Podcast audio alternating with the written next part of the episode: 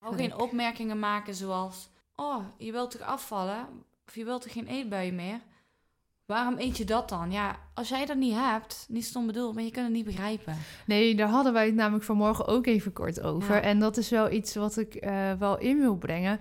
Eh, want ik had het gisteren met mijn man er even over, hè, dat jij vandaag zou komen, dat we deze eh, Ja. podcastserie gingen opnemen. En dat ik ineens een soort van begon te twijfelen over wat voor lekkers ik dan op tafel Ja. moest zetten en wat ik ging kopen voor de lunch. Ja, Terwijl ik daar echt normaal nooit over nadenk. Niet op die manier Nee. in ieder geval.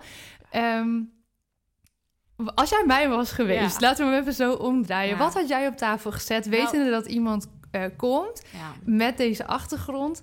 Heb je daar rekening Nou, mee te houden? Welkom bij de Watch Your Story podcast. De podcast waarin onze sportieve gasten hun persoonlijke verhaal delen met jou. Watch Your Story is het platform voor en door sporters en voormalig sporters. Ben je geblesseerd geraakt of helemaal gestopt met je sport en vraag je je af wat nu? Via onze website watchyourstory.nl kun je onze online training Beyond the Game volgen. De training is helemaal gratis voor alle luisteraars omdat wij vinden dat mentale begeleiding voor alle sporters beschikbaar moet zijn. Aanmelden kan via watchyourstory.nl. Die link vind je ook in de beschrijving van deze aflevering. Want vergeet nooit, je bent niet alleen. Your story counts. In de tweede aflevering met Demi Ophij vraag ik haar: wat is een eetstoornis nu eigenlijk? Hoe herken je het bij jezelf en bij anderen? Heb je er rekening mee te houden wanneer je weet dat iemand een eetstoornis heeft? En hoe snijd je zo'n beladen onderwerp nu goed aan? Demi vertelt vanuit haar eigen ervaring en haar professionele achtergrond als trainer, coach en psychodynamische therapeut in opleiding. Ben je sporter of voormalig sporter en ben je niet meer geselecteerd? Ben je geblesseerd geraakt of moest je helemaal stoppen? En vraag je je af, wat nu? Ga dan naar onze website watchyourstory.nl en meld je aan voor onze gratis online training Beyond the Game. De link vind je in de beschrijving van deze aflevering.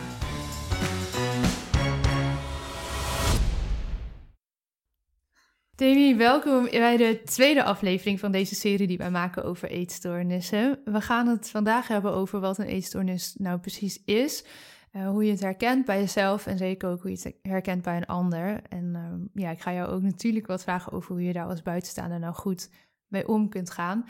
Laten we beginnen bij eh, de eerste vraag. Wat is nu eigenlijk een eetstoornis? Nou, als ik het kort zou samenvatten, is het eigenlijk een psychische aandoening waarbij je afwijkend eetgedrag hebt. En dat kan zijn, eh, ja, daar ga ik daar nog iets dieper op in, maar bijvoorbeeld, je bent in ieder geval heel erg gefocust op het eten. Eh, je hebt bepaalde angsten om dingen te eten, om bijvoorbeeld aan te komen. Ehm, ja, je, je hebt restricties, je vermijdt dingen, je gaat compenseren. Dus eigenlijk afwijkend eetgedrag, kort gezegd. Ja. En als je dan eh, kijkt, wat, wat is dan afwijkend? Hoe herken je bij jezelf dat het echt problematisch afwijkend is? Dus niet een keer een lekkere pizza met een ijsje, maar dat je merkt van, hé, hey, dit is wel, er is meer aan de hand bij mij. Eh, ik denk dat mensen dat op het begin niet meteen doorhebben. Misschien als ze nu deze podcast luisteren, denken van nee, dat heb ik ook. Eh, maar afwijken is eigenlijk al als je iets hebt gegeten, je voelt je schuldig en je hebt al de neiging om te compenseren. Ik zeg niet dat je dan meteen een eetstoornis hebt, maar als dat in een hogere mate is, of dat komt wel heel vaak voor en het wordt steeds erger, nou ja, dan kun je wel wat sneller spreken van een eetstoornis. Dus bijvoorbeeld je hebt een keer pizza gegeten, wat misschien ook helemaal niet te veel is, gewoon niet gek. Maar je hebt daarna meteen het gevoel dat je daarna de dag daarna niks durft te eten. Of je wil overmatig gaan sporten. eh, of je gaat laxeermiddelen gebruiken. Of ja, als je, kijk, als je dingen gaat doen zoals braken. Of echt laxeermiddelen met de intentie om gewicht te verliezen. Dan, dan heb je wel echt symptomen van een eetstoornis. Ja. En als je dat nu, stel iemand luistert nu en die zegt, ja, shit, ik herken me daar wel echt in. Volgens mij is er meer aan de hand. Ehm, wat zou jij ook als, eh, vanuit jouw rol als coach hè, op dit gebied adviseren om te gaan doen? Nou, ik zou sowieso, kijk, voor heel veel mensen is de stap te groot om hulp te zoeken, om het soort van schaamte. Maar kijk, tegenwoordig wordt er toch wel wat meer over gesproken, dus zoek gewoon meteen hulp. Ga niet alles zelf nog eens willen proberen, want waarschijnlijk heb je dat met een eetstoornis al honderdduizend keer gedaan. Waarom zou het nu wel werken? En eh, je hebt bijvoorbeeld een psycholoog die gespecialiseerd is in eetstoornissen. Eh, kijk, ik ben absoluut geen psycholoog, maar ik ben wel een ervaringsdeskundige en ik heb al heel veel mensen geholpen met binge eating, uh, compenseren, gewoon een goede balans erin te krijgen. Meer omdat ze, ehm, je kunt niet veranderen wat je niet weet. Als je bepaalde kennis nog niet hebt of bepaalde tools nog niet hebt, kun je ze ook niet inzetten. Dus ja, ik zou gewoon hulp gaan zoeken. En niet internet gaan afzoeken, want dat, dan weet je ook niet meer waar je moet zoeken. Ga gewoon hulp zoeken naar iemand die je vertrouwt. Ja, het komt straks ook bij de tips, maar praat erover met een vertrouwenspersoon. Ja. En vraag misschien gewoon van, ik verwacht geen advies. Want als je niet durft te vertellen en niet staat te wachten op een oordeel of advies, benoem dat gewoon. Ja, ja, dat is een mooi advies. We hebben het natuurlijk ook uh, gehad, ook in de eerste aflevering, uh, die gisteren online is gekomen, over de invloed van sport en extreme sport op mogelijke eetstoornissen. Um, er zijn natuurlijk veel sporters die luisteren naar deze podcast, misschien ook wel ouders, trainers. Um, is dat iets wat jij vaker tegenkomt, hè, of waar je iets meer over zou kunnen delen als het gaat om uh, ja, topsport, zowel actief als, als nadien, kan ik me voorstellen dat je best wel kunt struggelen met voeding. Want tijdens je sport hoor je, hè, dan moet je in dat regime en moet Mhm. je misschien bepaalde vetpercentages en noem maar op. En daarna mag ineens wel alles, maar dan heb je misschien geen idee meer wat nou goed is voor je. Ja, ik denk meerdere factoren, ook een stukje kennis. Kijk, als je misschien altijd een schema hebt moeten volgen van je trainer of van je coach uh, om je topsport te beoefenen, dan heb je eigenlijk al een soort van heel veel restricties. Dingen wat wel mogen, dingen wat niet mogen. Dat is heel erg zwart-wit gezien. En als ik nu tegen jou zeg bijvoorbeeld, je mag niet aan chocola denken. Je mag niet aan de kleur geel denken. Waar denk je aan? Ja, dan ga je precies daaraan denken. Snap je? Dus als je focust op wat niet mag, dan ja, het is eigenlijk gewoon aan een klein kind wat geen snoep mag. Nou, juist dat hij het snoep wil. Dus meer de focus verleggen op wat wel mag. En als jij in één keer heel veel gesport hebt en je gaat één keer stoppen, maar jouw verbruik gaat gewoon omlaag. Dus als je altijd gewend bent om heel veel te mogen eten met die sport, en dat is gewoon een gewoonte, je hebt daarna, daardoor misschien niet heel ergens op gelet, dan moet je daarna wel iets meer afhankelijk worden van je voeding. Wil jij niet aankomen of wil je op gewicht blijven? Uh, of een andere sport gaan doen of op een andere manier bewegen. Maar dan kan het nog wel eens zijn dat je motivatie verliest. Je hebt geen resultaat meer. Ja, precies. Je hebt een hele andere drijfveer. Ja. Eigenlijk de grootste drijfveer, namelijk jouw topprestatie leveren. Ja. Of dat nou topsport of amateursport is. Je wil een prestatie leveren. En ineens ja, is die drijfveer is er niet meer. Dus waarom zou je er dan nog zoveel Precies. aandacht aan besteden? Ja, plus uh, mensen zien vaak alles als één geheel. Dus als bijvoorbeeld sport slecht gaat of de relatie gaat slecht, dan gaat alles slecht. Terwijl je alles wil zien als een los, losse zaak, zeg maar. Uh, als iemand overlijdt in je familie heel erg, je mag daar best wel even rust nemen, even niet sporten. Maar dat betekent niet dat je niet voor jezelf kan zorgen. Ja. Uh, en dat zijn allemaal losse dingen en dat wil je eigenlijk ook zo, zo zien. Ja, ja, dat zeg je mooi. En dus eigenlijk geldt daar, uh, als ik tussen de regels door luister, ook het advies dat als je stopt met sporten en daar zit een grote overgang in qua balans met sport en voeding, om daar misschien ook gewoon je te laten adviseren. Ja. Zeker als dat niet actief wordt aangeboden, dat je het zelf opzoekt. Precies, want stel, stel je bent topsporter en je doet het nu nog steeds en je luistert en je breekt een been. Ja. Kijk, dan zal je ook een stuk minder verbruiken en je Ja. bent bang om aan te komen. Nou ja, je moet toch leren dat voeding en sport niet altijd aan elkaar gekoppeld is. Hoe ga je er dan mee om? Ja. Dat wil je nu al voorbereiden. Ja, en eh, nou, ik zou zeggen, dan stel ik je de vraag, hoe ga je er dan mee om? Maar ik kan me voorstellen dat dat echt heel erg persoonsafhankelijk is. Ja, zeker. Maar ja, kijk, je kunt bijvoorbeeld uh, ja, sowieso kennis opdoen, een stukje slimmer eten. Uh, stel je eet nu gewoon heel veel aan, je bent heel erg gefocust op het eten, dus je hebt een aantal symptomen. En je gaat dan in één keer thuis zitten en je gaat, hebt eigenlijk die emotie eten. En je hebt nu geen afleiding terwijl je dat normaal wel hebt. Ga zorgen dat je dat niet aan elkaar koppelt, verveling en eten. Ga daaraan werken. Ja. Neem een coach of een psycholoog daarvoor of zoek op een andere manier hulp. Mooi. Goeie tips. Hey, en dan um, voor de mensen om deze persoon heen.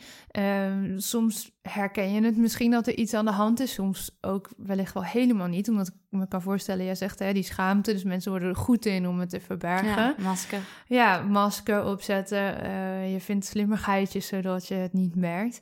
Um, wat is je advies aan mensen om een persoon heen die mogelijk een eetstoornis heeft over hoe je het kan herkennen En dan wil ik het straks graag, graag hebben over hoe je er dan goed mee om kan gaan. Ja, herkennen is denk ik... eh, ja, nu heb je misschien de inzichten nog niet, maar misschien door het luisteren dadelijk iets meer. Herkennen eigenlijk als iemand of altijd gefocust is op het eten. Dus bijvoorbeeld heel veel over eten praat. eh, als bij sociale gelegenheden is, altijd met het eten bezig is. Of misschien juist iemand die overgewicht heeft bijvoorbeeld. En ja, dat zie ik heel vaak en niet per se dat dat dan zo hoeft te zijn. Maar dat ze dan juist bijna niks eten omdat ze soort van willen laten zien van... hé, hey, luister, ik eet goed, ik eet niet te veel. Dat is niet de reden voor mijn overgewicht, zijn andere factoren. Maar ze eten dan waarschijnlijk wel stiekem. Dat, dat is in ieder geval heel vaak, niet altijd. Even nog eens te benoemen. Ehm, dus als iemand opvallend weinig eet... maar ook opvallend veel gefocust is op het eten... als iemand snel schuldig voelt... als je die signalen een beetje hoort... als iemand neiging heeft om te compenseren... of maaltijden overslaat... Uh, dat zijn toch wel, toch wel best wel veel tekenen. En wat zou jij adviseren um, is een goede manier om het gesprek daarover dan aan te gaan? Stel ik vermoed dat een vriendin van mij of zo hè, daarmee te dealen heeft, iemand in mijn omgeving, een teamgenoot, ik noem maar een voorbeeld. Um, hoe ga je zo'n gesprek opengooien? Ja. Zul je ook niet iemand een nee. soort van voor het hoofd stoten daarmee? Nee. Nou ja, je moet daar natuurlijk wel mee kijken van wie is die persoon waar je dat tegen gaat vertellen. Ben jij wel de juiste persoon daarvoor? Ja. Bijvoorbeeld, je kent een stukje familiesystemen. Bijvoorbeeld binnen je familie is het ook niet altijd jouw taak. Um, het ligt er een beetje aan, je moet het ook aanvoelen. Voel jij dat jij niet de juiste persoon bent? Kijk iemand in je omgeving of iemand anders dat zou kunnen doen. Maar ga vooral niet oordelen. Benoem misschien van, hé, hey, dit en dit valt me op. Zit je ergens mee? Kijk, er is niet één juiste manier, denk ik. Plus, ga vooral niet ongevraagd advies geven. Daar sta jij ook waarschijnlijk nooit op te wachten. Iemand anders ook niet. Je kan hoogstwaarschijnlijk benoemen van luister, dat valt me op. Als je ergens mee zit, uh, je kan altijd met me praten. Ik zal niet oordelen. Uh, ik zal je altijd willen helpen als je dat wilt. Maar als je dat niet wilt, is dat ook prima. Ik denk vooral meer gezien worden of zo. Uh, laten zien dat je er bent ja, geen, geen ongevraagd advies geven. Ik denk dat het niet werkt. En dat is aan iemand zelf om te veranderen. En je kan iemand anders niet veranderen. Je kan hem hooguit uh, vertellen dat je iemand weet die die persoon kan helpen. Of dat je zelf wil luisteren. Ja. Uh, of als iemand hulp wil, dat, dat jij wilt helpen als diegene dat wil. Maar ga niet helpen terwijl iemand er niet om heeft gevraagd. Want dan gaat iemand toch weerstand krijgen. Dus als jij een bal onder water duwt komt die bal ook tien keer zo hard omhoog. Dat gebeurt Ja. dan precies hetzelfde. Ja, precies. Ja. Dus laten merken dat je er bent, Ja. eh, dat je open staat eh, voor het verhaal. En Vooral geen opmerkingen maken zoals... Oh, je wilt toch afvallen? Of je wilt toch geen eetbui meer? Waarom eet je dat dan? Ja, als jij dat niet hebt, niet stom bedoeld, maar je kunt het niet begrijpen. Nee, daar hadden wij het namelijk vanmorgen ook even kort over. Ja. En dat is wel iets wat ik eh, wel in wil brengen. Eh, want ik had het gisteren met mijn man even over, hè, dat jij vandaag zou komen, dat we deze eh, Ja. podcastserie gingen opnemen. En dat ik ineens een soort van begon te twijfelen over wat voor lekkers ik dan op tafel Ja. moest zetten en wat ik ging kopen voor de lunch. Ja, Terwijl ik daar echt normaal nooit over nadenk. Niet op die manier Nee. in ieder geval. Ehm, als jij mij was geweest, Ja. laten we hem even zo omdraaien. Ja. Wat had jij op tafel gezet, Nou- wetende dat iemand eh, komt ja. met deze achtergrond? Eh, Heb je daar rekening Nou, mee nu- te houden? Nee, eigenlijk niet. Weet je wat het is? Kijk, ik heb echt oprecht helemaal geen eetstoornis meer. En ik heb echt een hele goede relatie met voeding. En af en toe zou ik weer iets meer discipline mogen hebben. Maar ik kan niks verbeteren aan mijn relatie met voeding. 100%. Dus wat jij op tafel zet, of nu ongezond of niet, het is nog steeds mijn keuze wat ik ermee doe. En stel, ik heb een eetstoornis en jij zet ongezonde dingen op tafel. Het is niet jouw taak om voor mij te zorgen, snap je? Eh, je kan hooguit vragen wat iemand wil, dat heb je Ja. gedaan. Ehm, maar dan nog, ja, wat ik zelf doe. Vroeger zat ik altijd chips op tafel van al die dingen, omdat ik dacht dat anderen dat lekker vonden. Maar eigenlijk is het een soort van invullen voor een ander en people pleasing. Even stom gezegd, iedereen heeft dat wel een beetje in zich. Maar ja, ik vind zelf niet chill als ik alleen maar keuze, keuze heb uit ongezonde dingen. Maar als ik dat echt van tevoren zou weten, zou ik het ook gewoon benoemen. Eh, maar ik sta gewoon zelf op tafel wat ik lekker vind. En of iemand anders het nu fijn vindt of niet, nou ja, dan heeft hij pech. Ja, precies. Ja, Ja, eigenlijk. Dus ben je het dus dan al snel aan het overdenken. Ja, je bent Ja. meer aan het invullen voor een ander of aan het denken van, oh, Ja, want dat is Ja. wel wat er gebeurt. Je gaat denken, oh, heeft ik die of geen achtergrond. koekjes op tafel zetten? Is dat nou Ja, lullig als ik dat doe? Of is dat Ja. eigenlijk gewoon aardig als ik dat wel ook zoals altijd... Ja, weet je, dat wat is zou zo jij bizar fijn eigenlijk. vinden? Doe dat gewoon. Ja. En als iemand het niet fijn vindt, nou ja, stel die eet het om jou te pleasen. Nou, heel stom gezegd, is niet jouw probleem. Nee, Snap je? Nee, nee, ja, dat is wel zo. nog steeds mijn keuze. Als ik een eetstoornis zou hebben, ehm, ja, of je nu geen koekjes op tafel zet en ik heb heel erg krevens aan koekjes, dan koop ik ze daarna wel. Ja, dat is ook zo. Snap je? Als je van je ouders iets niet mocht, dan ga je dat denk ik toch wel stiekem doen. Ja, ja soms wel, ja. Ja, som- bij sommige dingen natuurlijk. Nou, mooi advies, denk ik. Want Ja. ik kan me voorstellen dat, eh, dat meer mensen die dus zelf dat niet hebben meegemaakt, dat het, dat het heel lastig is van hoe ga ik daar nou een beetje ja, eh, goed mee om? Want je wil iemand niet eh, voor het hoofd stoten daarin, maar je wilt ook niet een soort van geforceerd een ding laten Nee. worden. ja. En met jou kan ik het dus over Ja. hebben, kunnen we lachen, want we gaan het hier, dit is nu onderwerp van gesprek, maar als dat niet zo is, ja, ja, dan wil je toch eigenlijk, ja, dat pleasen eh, zit dan toch wel in ons. Dat je het graag goed wil doen, ook voor, ook voor eh, de best wel van de ander, terwijl dat dan bottom line niet jouw verantwoordelijkheid is. Plus, ik ben ervan overtuigd, alles wat je doet, doe je met de juiste intentie. In ieder geval voor jezelf. En je kunt nooit weten wat een ander denkt of zo. Nee. Eh, dus ja, je kunt maar gewoon het beste doen wat voor jou goed voelt. En niet overdenken. Want als je iets anders gaat doen wat eigenlijk niet bij jou past... dan zal je ook misschien de verkeerde dingen en de verkeerde mensen aantrekken. Daar kan ik heel diep op ingaan. Maar van die, eh, Die ja. parkeren we even Ja. voor eh, een ander stuk. Ja, oké, mooi. Dankjewel voor dat advies. Ik zal het zelf ook te hard nemen. Ik gooi straks lekker alles lekker eten Ja. voor de lunch op tafel en je ziet maar wat je kiest. Precies, mijn keuze, mijn Jouw verantwoordelijkheid. keuze, jouw verantwoordelijkheid, inderdaad. Ehm, hey, in de volgende aflevering die morgen online komt, gaan we het hebben over eh, oorzaken van eetstoornissen. Dus Ja. als je meer wil horen van Demi en van dit onderwerp, zorg dan dat je morgen weer even intuned op de Watch Your Story podcast. En dan gaan we het hebben over de oorzaken. Tot morgen! Tot morgen. Dankjewel voor het luisteren naar deze aflevering van de Watch Your Story podcast. Ben je sporter of misschien wel ouder, trainer, coach of bestuurder van een sportvereniging?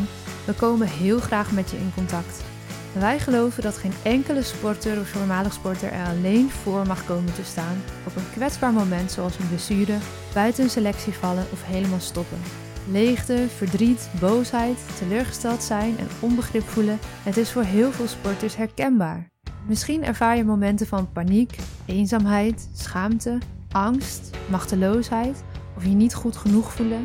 Het zijn allemaal emoties die heel logisch zijn en die je niet hoeft weg te stoppen. De toekomst speelt of het leven dat je kende is weg, of het ziet er tijdelijk anders uit. Maar je sport was en is diep van binnen nog steeds jouw identiteit. Jouw verhaal doet ertoe. En daarom hebben wij met verschillende experts de online training Beyond the Game ontwikkeld. De training is helemaal gratis te volgen voor alle luisteraars, omdat wij vinden dat mentale begeleiding voor alle sporters beschikbaar moet zijn. Aanmelden kan via watchyourstory.nl en die link vind je ook in de beschrijving van deze aflevering. Vergeet nooit, je bent niet alleen. Your story counts.